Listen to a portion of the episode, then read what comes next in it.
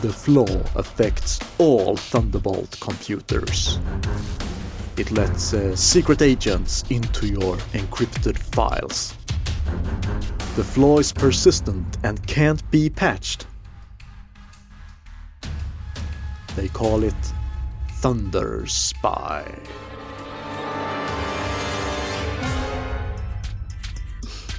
Något sånt. Jättebra. Ja, det är inte alls lika allvarligt som det låter. Eh, Vi kör jingeln.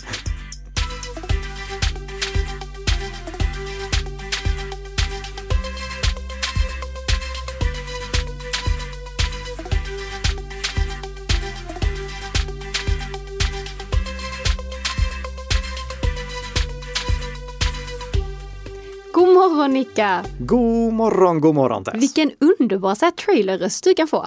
Tack så mycket. Det, Jag får fixa till den i post för jag tyckte inte att den lät lika bra i verkligheten som den gjorde i mitt huvud. Jag, jag hade nästan velat se den filmen i alla fall. ja, Thunder Spy. Thunder Spy. Eh, men är allt bra med dig? Det är utmärkt här och på andra sidan den här eh, coronaskyddande väggen som vi har mellan oss som också är till för att dämpa ljud. Det är bra här också, tack. Och vi hoppas också att det är väldigt bra med dig som lyssnar på den här podden som produceras i samarbete mellan Nika Systems och Bredband2. Vi har ju väldigt mycket att gå igenom som vanligt.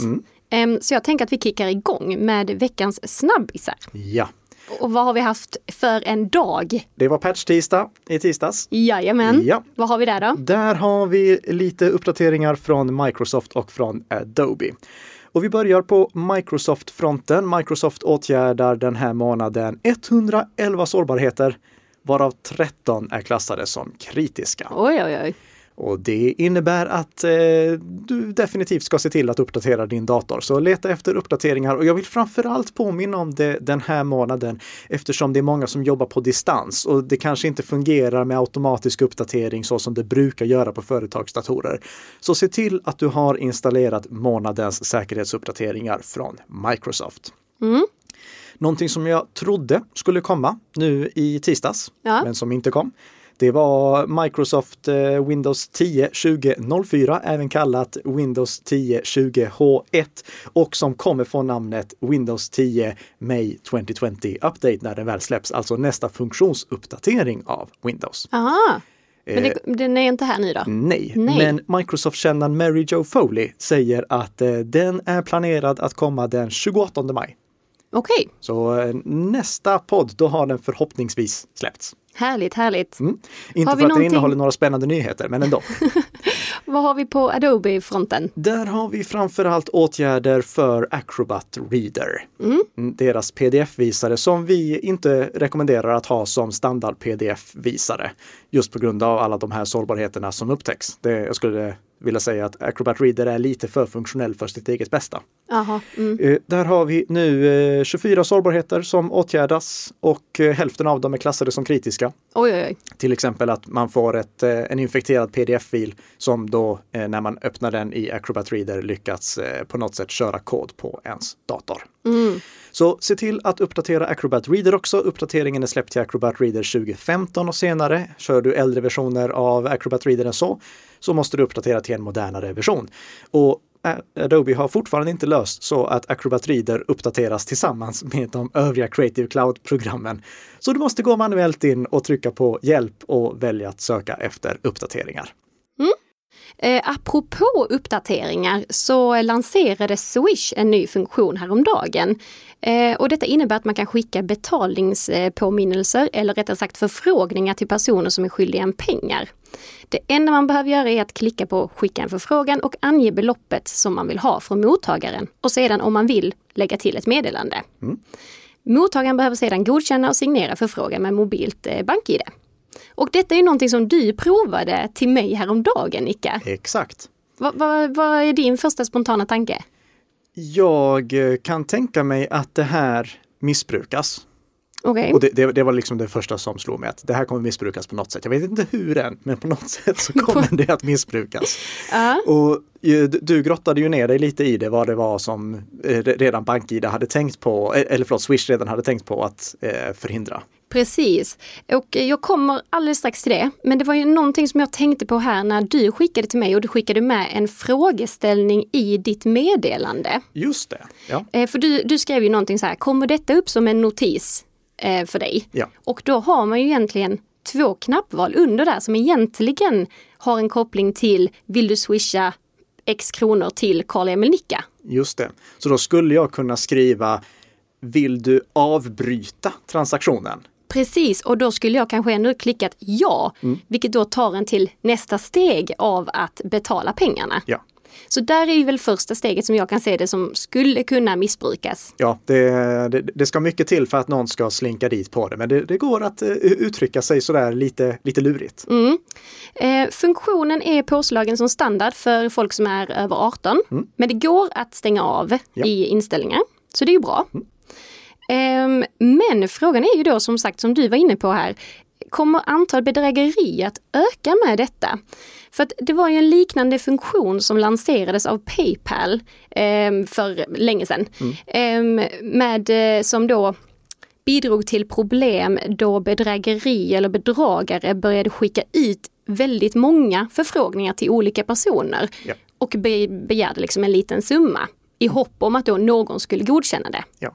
Och det skulle man ju kunna tro skulle kunna hända här också. Det låter väldigt rimligt. Alltså, eh, man bara pumpar ut förfrågningar och hoppas på att någon tänker okej, men det var väl någonting som jag hade missat att betala, då betalar jag väl det. Exakt. Men då har ju Swish skapat eh, begränsningar för antal förfrågningar, vilket är 30 stycken per två veckors period. Och varje förfrågan får vara på max t- eh, 900 kronor. Så det är i alla fall något ett sätt att Ja. eh, begränsa det. Och det går även, låt säga att nu att jag vill inte, jag tycker inte att Karl-Emil Nicka ska kunna begära pengar från mig. Så, Vad- är det för stil? bara, bara en sån sak. Ja. Eh, då kan jag ju faktiskt blockera dig eh, i den här funktionen. Vilket är ju ändå bra. Och jag kan ju också neka betalningen. Ja, och, och och det, det är jättebra att eh, man kan blockera folk överlag i Swish. För vi har ju sett att Swish har missbrukats till exempel eh, svartsjuka ex som har velat trakassera sina flickvänner men som har blivit blockerade från att smsa dem eller whatsappa dem. De började skicka liksom en krona med Swish och skrev massa meddelanden där Ja, bara för det. att få fram meddelandena. Eh, men men man, man kan blockera sådant och man kan också blockera helt och hållet så att inte, alltså en person ska inte kunna kontakta en, vare sig överföra pengar till en eller begära att få pengar. Precis. Och hur som haver, egentligen det viktiga här är ju att precis som vid vanliga Swish-betalningar, kontrollera alltid betalningen innan man signerar med mobilt bank-id. Precis. Mycket bra. Då eh, är det dags att eh, prata om en ny version av Google Authenticator. Just det. Den här fantastiska appen för tvåstegsverifiering som har gjort att jag kallar eh, Google Authenticator-metoden för just Google Authenticator-metoden. eh, den blev ju jättepopulär och den är förhandsval för många som vill använda Google Authenticator-metoden för tvåstegsverifiering. Men den är ganska funktionsfattig jämfört med den eh, appen som vi rekommenderar, Authy.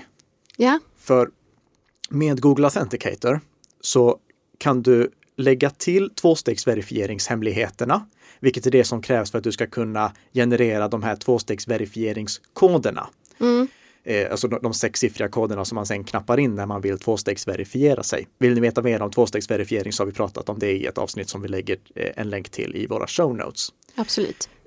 Problemet är när man byter mobiltelefon, då måste man gå in på alla sina konton och välja att inaktivera tvåstegsverifiering så att man sen kan aktivera tvåstegsverifiering igen med sin nya mobiltelefon. Ah, Google Authenticator har inte haft någon funktion som låter den exportera alla tvåstegsverifieringshemligheter till den nya mobilen så att den nya mobilen kan generera tvåstegsverifieringskoderna. Är det av säkerhetsskäl egentligen eller är det bara att man inte har gjort det?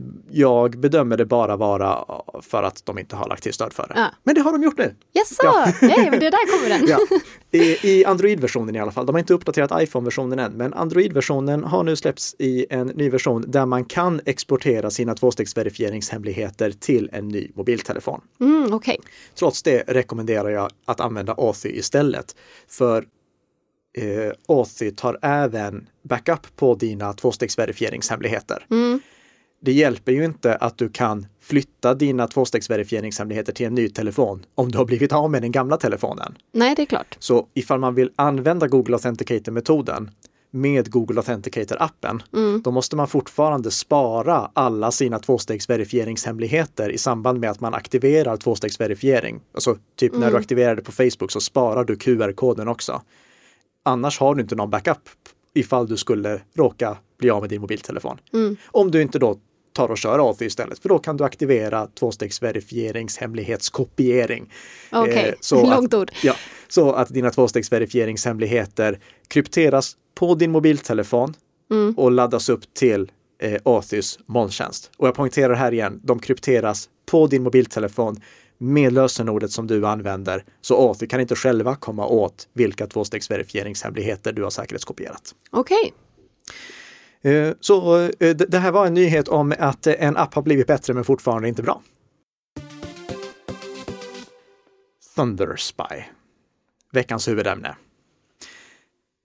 Jag, jag, jag, tror inte någon av våra lyssnare har missat Thunderspy. Nej, det, det, har, nej, det har nog varit svårt att missa det i alla fall. Kopiösa mängder om eh, de här sårbarheterna.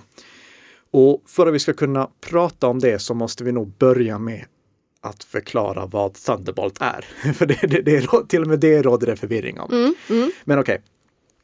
Om vi backar tillbaka till 2011.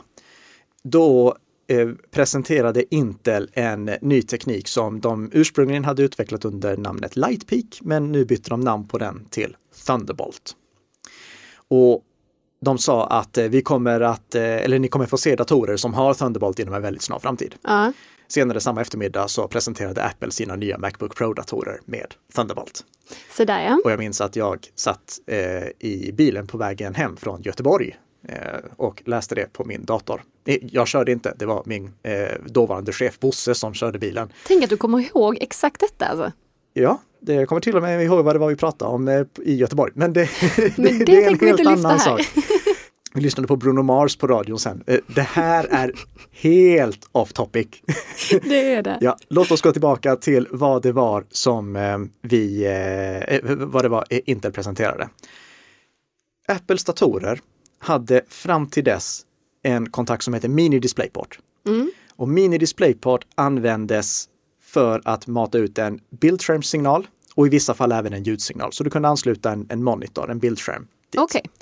Med Thunderbolt så fick du möjlighet att använda samma fysiska kontakt, eh, eh samma fysiska kontaktstorlek mm. för att också ansluta Thunderbolt-tillbehör.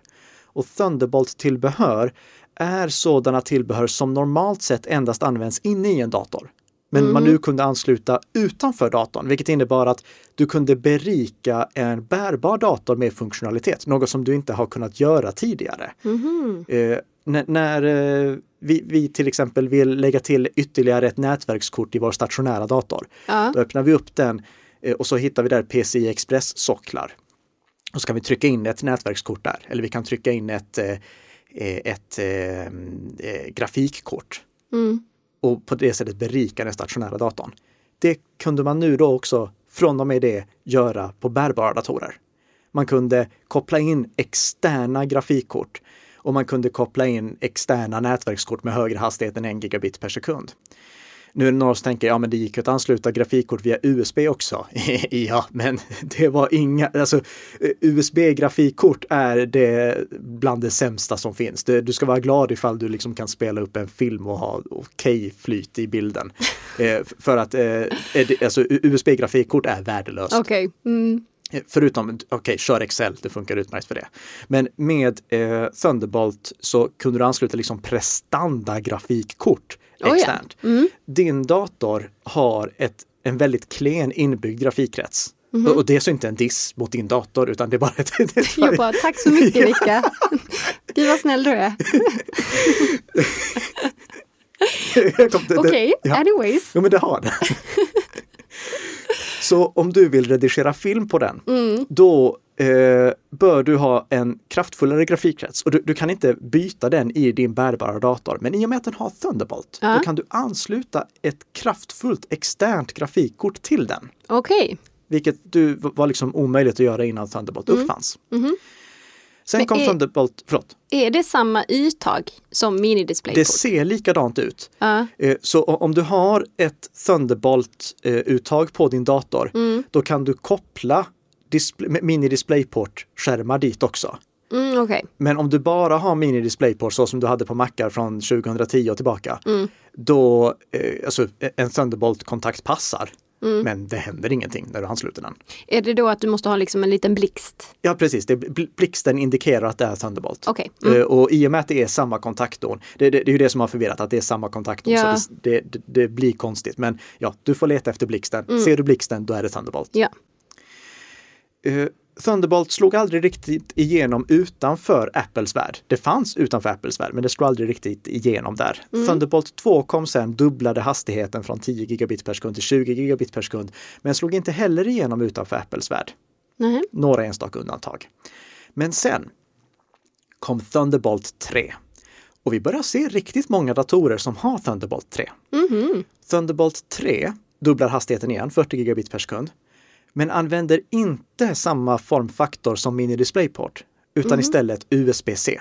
Okej. Vilket blir förvirrande eftersom det redan nu finns många olika USB-C-kontakter. Men egentligen, i grund och botten tycker jag att eh, det är bra. För eh, om vi liksom bara enas om vad en, Th- en Thunderbolt 3-kontakt ska kunna göra eller en USB-C-kontakt ska kunna göra så kommer det att bli frid och fröjd i hela världen. Men det är en jobbig övergångsperiod fram till dess. Mm. Thunderbolt 3 eh, ser alltså ut som en USB-C-kontakt men har en liten blixt intill sig. Ja. Och eh, precis som med eh, Mini DisplayPort, du kan koppla USB-C-tillbehör till en Thunderbolt 3-kontakt. Mm. Och du kan koppla Thunderbolt 3-tillbehör till en Thunderbolt 3-kontakt. Mm. Men du kan inte koppla Thunderbolt till USB-C. Okej. Vilket då är orsaken till att det har blivit massa förvirring. Vad kan egentligen koppla vart? Precis. Inte minst med tanke på att det finns datorer som har några Thunderbolt-kompatibla portar och några som bara är kompatibla med USB-C. Mm, mm. Eh, om vi tar Apples senaste datorer, då har de bara Thunderbolt-portar på sig. Men de släppte till exempel eh, 12-tums Macbooken, den första 12-tums Macbooken. Den hade USB-C-kontakt utan Thunderbolt-stöd. Ja. Så, lite förvirring där, men i alla fall. Om ni är osäkra, kolla om ni hittar blixtlogotypen intill, för blixten indikerar Thunderbolt, oavsett om vi pratar om mini-display, sto, eh, mini-displayport-storleken eller USB-C-storleken. Mm. Thunderbolt är en fantastisk port i och med att den gör att vi kan bygga vidare på våra datorer på det här sättet. Den har gjort att användbarheten för bärbara datorer har ökat. Ja. Om vi tänker på Mac Pro som Apple släppte som såg ut som en liten svart soptunna. Mm. Den kunde ju vara så liten för att Apple tänkte att de som vill utöka den här med mer funktionalitet, de ska inte sätta saker i den likt de gjorde med förra versionen av eh, Thunderbolt, eh, förra versionen av Mac Pro och nya versionen av Mac Pro. Utan eh, de tänkte bara att om någon vill utöka funktionaliteten, då ansluter de Thunderbolt-tillbehör på den. Så den hade massa Thunderbolt-portar. Mm. Mm. Och det är jättebra. För det som du kopplar till Thunderbolt-portar är precis som om du hade kopplat det till PCI Express. Du får den prestandan och du får de riskerna som det för med sig. Okej, vad innebär det? Jo, när du kopplar någonting till PCI Express eller Thunderbolt, då får det tillbehöret direkt åtkomst till minnet och kan ändra saker i minnet. Och det här utnyttjades för något år sedan i en attack där eh, angripare kunde koppla in tillbehör och göra saker på datorn som du definitivt inte ville skulle ske. Och vi kan få ett väldigt konkret exempel på vad som kan hända om vi kollar på det som nu har avslöjats med Thunderspy. För Thunderspy som upptäcktes av en holländare kan användas för att koppla in någonting i datorn och gå förbi låsskärmen. Oj då. Ja. Och om man går förbi låsskärmen, då kommer man ju åt allting på datorn. Ja. Inklusive filerna. Alltså, även om filerna ligger krypterade, så Mm. om du kan gå förbi låsskärmen, då kommer du åt filerna. Och om användaren har sparat sina lösenord i Chrome, då vet vi från förra avsnittet att det bara säger slurk, så Mm. har du fått alla de lösenorden också. Ja, det låter inte så bra det här. Det låter strikt negativt. Mhm. Ja. Eh, första gången som det här upptäcktes det, att det var ett problem, Mm. då löste Intel och Company det genom att eh, in, införa olika säkerhetsnivåer för Thunderbolt. Så eh, när de åtgärdade det förra gången, det, alltså det, det här problemet, Ja. då, då gjorde de så att man kan dels ha att vem som helst ska få koppla in vad som helst i Thunderbolt. Mm. Dels kan det vara någon typ av godkännande så att användaren måste klicka godkänn för att ansluta ett Thunderbolt-tillbehör. Eller så kan man till och med välja att stänga av Thunderbolt-funktionaliteten på portarna. Mm. Det innebär om det är en mini DisplayPort och man stänger av Thunderbolt, då blir det bara som en mini DisplayPort-kontakt. Okej. Och om det är USB-C som är formfaktorn, om man stänger av Thunderbolt-funktionaliteten, då blir det som en vanlig USB-C-kontakt. Så, så du kan koppla in USB-tillbehör, du kan koppla in en eh, DisplayPort-skärm. Det, det, är liksom, det, det är det du kan göra. Ja. Så, som, du, du du förvandlar helt enkelt Thunderbolt till det som kontakten annars används till. Mm. Det som Björn nu då upptäckte, eh, holländaren, Mm. det var att om han öppnar upp datorn, alltså skruvar av baksidan på datorn Ja. och kopplar in en, ett litet programmerarverktyg på kretsen, då kan han ändra säkerhetsnivån. Och då spelar det ingen roll att du har satt den till att bara tillåta USB för att liksom slippa det här problemet. Alltså, och- Aha, och- så det hjälper liksom inte då att du ändå har stängt av det? Det hjälper inte att du har stängt av Nej. Thunderbolt, för han kan ändra så att Thunderbolt är på igen. Aha, Det är det, är det nya här Ja. då, i, i, eller en av de nya sakerna i Thunderspy. okej. Så den här gamla rekommendationen att de, som var oroliga att de, skulle stänga av Thunderbolt-funktionaliteten, det hjälper inte nu, för då kan Björn komma med sin programmerare, skruva av baksidan på datorn, koppla in den och ändra så att den alltid är eh, så att eh, Thunderbolt-porten får användas för Thunderbolt igen. Det här låter jättedåligt. Det här låter strikt negativt. Ja, Men eh, jag är fortfarande inne på det här spåret att det är med. Okej. Är det, är det för, får jag gissa varför? Ja, Eh, beror det på att du måste eh, ha den fysiska datorn? ja. An- för att angriparen ska kunna göra det här, då måste angriparen verkligen ha tag i datorn. Mm. Det, det går inte att göra på distans. Det här kallas i media en eh, evil made-attack. Eh, För att tanken är att eh, ja, en eh, spionerande organisation skulle kunna anlita städaren på ett hotell.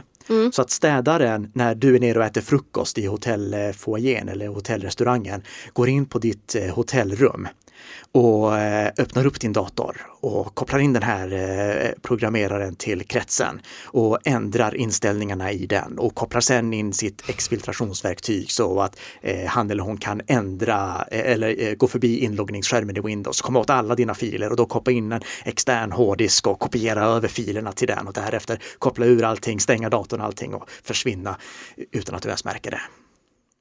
Wow, låter omständigt. Det låter sjukt omständigt. Ja, verkligen. Det, det, det, det är liksom, ja, det kan inträffa, men sannolikheten är extremt låg. Och, Och då måste den vara påslagen också. ja, eh, eller i viloläge. Ja. Mm. Eh, och dessutom, det här går att göra i alla fall. Alltså, om vi om vi tänker oss att hoten är att någon kan koppla in saker inuti datorn, skruva av baksidan på datorn och koppla in saker där. Mm. Då går det att göra via PCI Express som används för att ansluta nätverkskort på moderkortet också. Så Okej. det, det finns små socklar för att ansluta till exempel eh, SSD och för att ansluta nätverkskort och andra expansionsplatser också i bärbara datorer, bara det att de är mycket mindre. Mm. Det går att koppla in sig där också. Så det, det här är liksom inget nytt problem. Och det låter inte heller som att, eh, att det är ett, alltså en fara för allmänheten, alltså det är en fara för liksom varje användare, utan snarare Nej, att det är nej, liksom riktade attacker. Jag kan väl säga, d- de som ska vara oroliga för det här, Mm. det är kanske politiker, eh, journalister, Mm. advokater. Alltså någon som har en roll där myndigheter eller gravt kriminella Mm. är ute efter att stjäla deras dator för att komma åt statshemligheter. Det är liksom på den nivån. Ja, För eh, att göra de här verktygen som eh, Björn visar upp, det är jättehäftigt, men det är inte någonting som, som den standard yrkeskriminella kan fixa. Nej, precis. Så det, det, dels så är det väldigt osannolikt att man drabbas av det. Mm. Och dels så är det här liksom inte ett nytt problem. Det här är bara ett, ett nytt sätt att, att utnyttja det problemet. Mm. Det finns ett verktyg som man kan testa sin dator ifall den är sårbar för det här eller inte. Eh, Och det kan eh, man ladda ner från länken som vi eh, har i våra show notes. Där finns verktyget för Windows och för Linux, inte för MacOS. Nej, För MacOS är inte drabbat. Är inte MacOS drabbat? Nej. Trots att man också har, Det står i många artiklar att det är Ja. drabbat. Det står, och, och du och har man har ju de uttagen liksom. Ja, men eh, sättet som Apples datorer, eller Mac OS ska jag säga, för eh, om du kör Windows eller Linux på din Mac, då är den drabbad. Men o- om du kör Mac OS på din Mac, då är den inte drabbad. Det finns ett problem som eh, eh, Björn också har uppmärksammat i Mac OS hantering av Thunderbolt-enheter som gör att om han får tag i en, eller alltså en angripare får tag i, jag, jag säger absolut inte att Björn skulle göra det här, han är bara den fantastiska säkerhetsforskaren som har upptäckt allt det här. Eh, om eh, angriparen får tag i ett Thunderbolt-tillbehör som du redan har kopplat till din dator så det redan är godkänt, Mm. då kan angriparen klona ID på, det verkt- eh, på eh, den enheten till någon annan enhet och koppla in den i din dator. Mm. Och då kan angriparen göra saker som eh, skicka falska tangentbordskommandon och liknande. Men det kan angriparen göra genom att koppla in ett- alltså ett USB-minne eller nå- någonting sånt också. Eh, Så, så då har vi liksom standard USB-sårbarheterna. De är inte sop under mattan. Nej. men eh, då, då är vi liksom tillbaka på den nivån. Det är inte så allvarligt som att någon kan gå förbi den låsta skärmen i Windows och plocka ut alla krypterade filer. Mm. Så om vi ska ge någon rekommendation Ja, eh, så är det att eh, först och främst kryptera din dator. Det, det är genomgående, det rekommenderar vi ju alltid. mm. Och om du har Thunderbolt på din dator och är orolig för det här, då skulle jag bara rekommendera att när du lämnar datorn ifrån dig, stäng, ha, alltså ha den alltid avstängd. Sätt den inte i viloläge, utan stäng alltid av den helt och hållet. även om du sitter på ett tåg och råkar somna, så tänk på att innan du blir så pass trött, så stäng av datorn. Ja, okej. Det, det, vi- visst, det, det, det finns den risken att det, den här hemliga agenten sitter och väntar på att du ska somna och när du har somnat så snor agenten din dator och väljer av någon anledning att använda den här sårbarheten istället för att installera en keylogger eller någonting annat. Det- Alltså, Okej, det, det, det är väldigt osannolikt, men visst, det kan hända. Det kan hända. Om du är orolig för det också, Mm. köp en dator som har det här åtgärdat. Det, Mm. Alltså kontrollera, och det är inte säkert att alla nya datorer med Thunderbolt som säljs har det här stödet. Eh, alltså har det här åtgärdat som eh, behövs. Eh, men det kan du testa med verktyget, kontakta tillverkaren ifall du är osäker. Mm. Eller stänga av Thunderbolt-porten helt i BIOS, det kan du också göra på vissa datorer. Okej, ja. Det, det, det skulle vara ett alternativ. Mm. Inte då bara sätta den i, eh, alltså eh, ändra så att eh, USB-C-portarna eller Thunderbolt 3-portarna blir som USB-C-portar utan stänga av helt och hållet. Mm. För att om de fortfarande är påslagna så kan angriparen ändra säkerhetsläget på dem så att Thunderbolt-portarna tillåter vad som helst. Men i alla fall, stäng av datorn i så fall. Det, det, det är det som jag får rekommendera. Mm. Och igen, jag är inte mer orolig för det här än någonting annat. För det, alltså, om en dator lämnar ens ägo, då kan angripare göra mycket med den. Mm. Eh, Så se till att värna om din dator och eh, lämna den inte i påslaget läge eller i sovande läge utan stäng av den om det behövs. Det, det, det finns i och för sig en attack till som inte ens det skyddar mot okej. som det inte ens hjälper att stänga av datorn med. Jag vet inte, ska, ska jag avslöja den för våra lyssnare? Alltså jag vet inte, det är lite kul att lämna det också. Ja. Eller? Ja, nej, jag, jag, jag berättar det. Du gör det? Ja, jag gör det. Och det är att de här hemliga agenterna som då är ute efter din dator i och med att du är i den här riskzonen.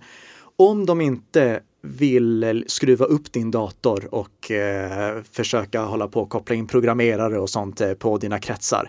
Då kan de också i samma verktygslåda mm. plocka upp en stor Bamster-skiftnyckel okay. mm. och säga så här till dig. Mm. Jag kommer slå dig i huvudet med den här tills du låser upp din dator. Sant. Det är mycket rimligt. Ja. Mm. Och Eh, det fungerar dessutom förvånansvärt effektivt. Även testat? om datorn är avstängd. Det fungerar inte om, om batteriet är dött, då funkar inte det heller. Men annars så funkar den metoden. Har du provat Nicke eller? Det kan vi inte kommentera. Men jag kan däremot säga att det här var en eh, återberättelse av en klassisk eh, XKCD comic strip som jag lägger med en länk till i våra show notes också. Där lägger jag också med eh, en länk till Apples recensionssida. Vi har fått två fina nya recensioner som vi tackar för. Mm. Recensera jättegärna podden så blir vi glada och prenumerera på den tillsammans med dina vänner för då blir du lite säkrare för varje vecka som går. Vi hörs om en vecka igen. Tack så jättemycket för att du har lyssnat. Tack, tack!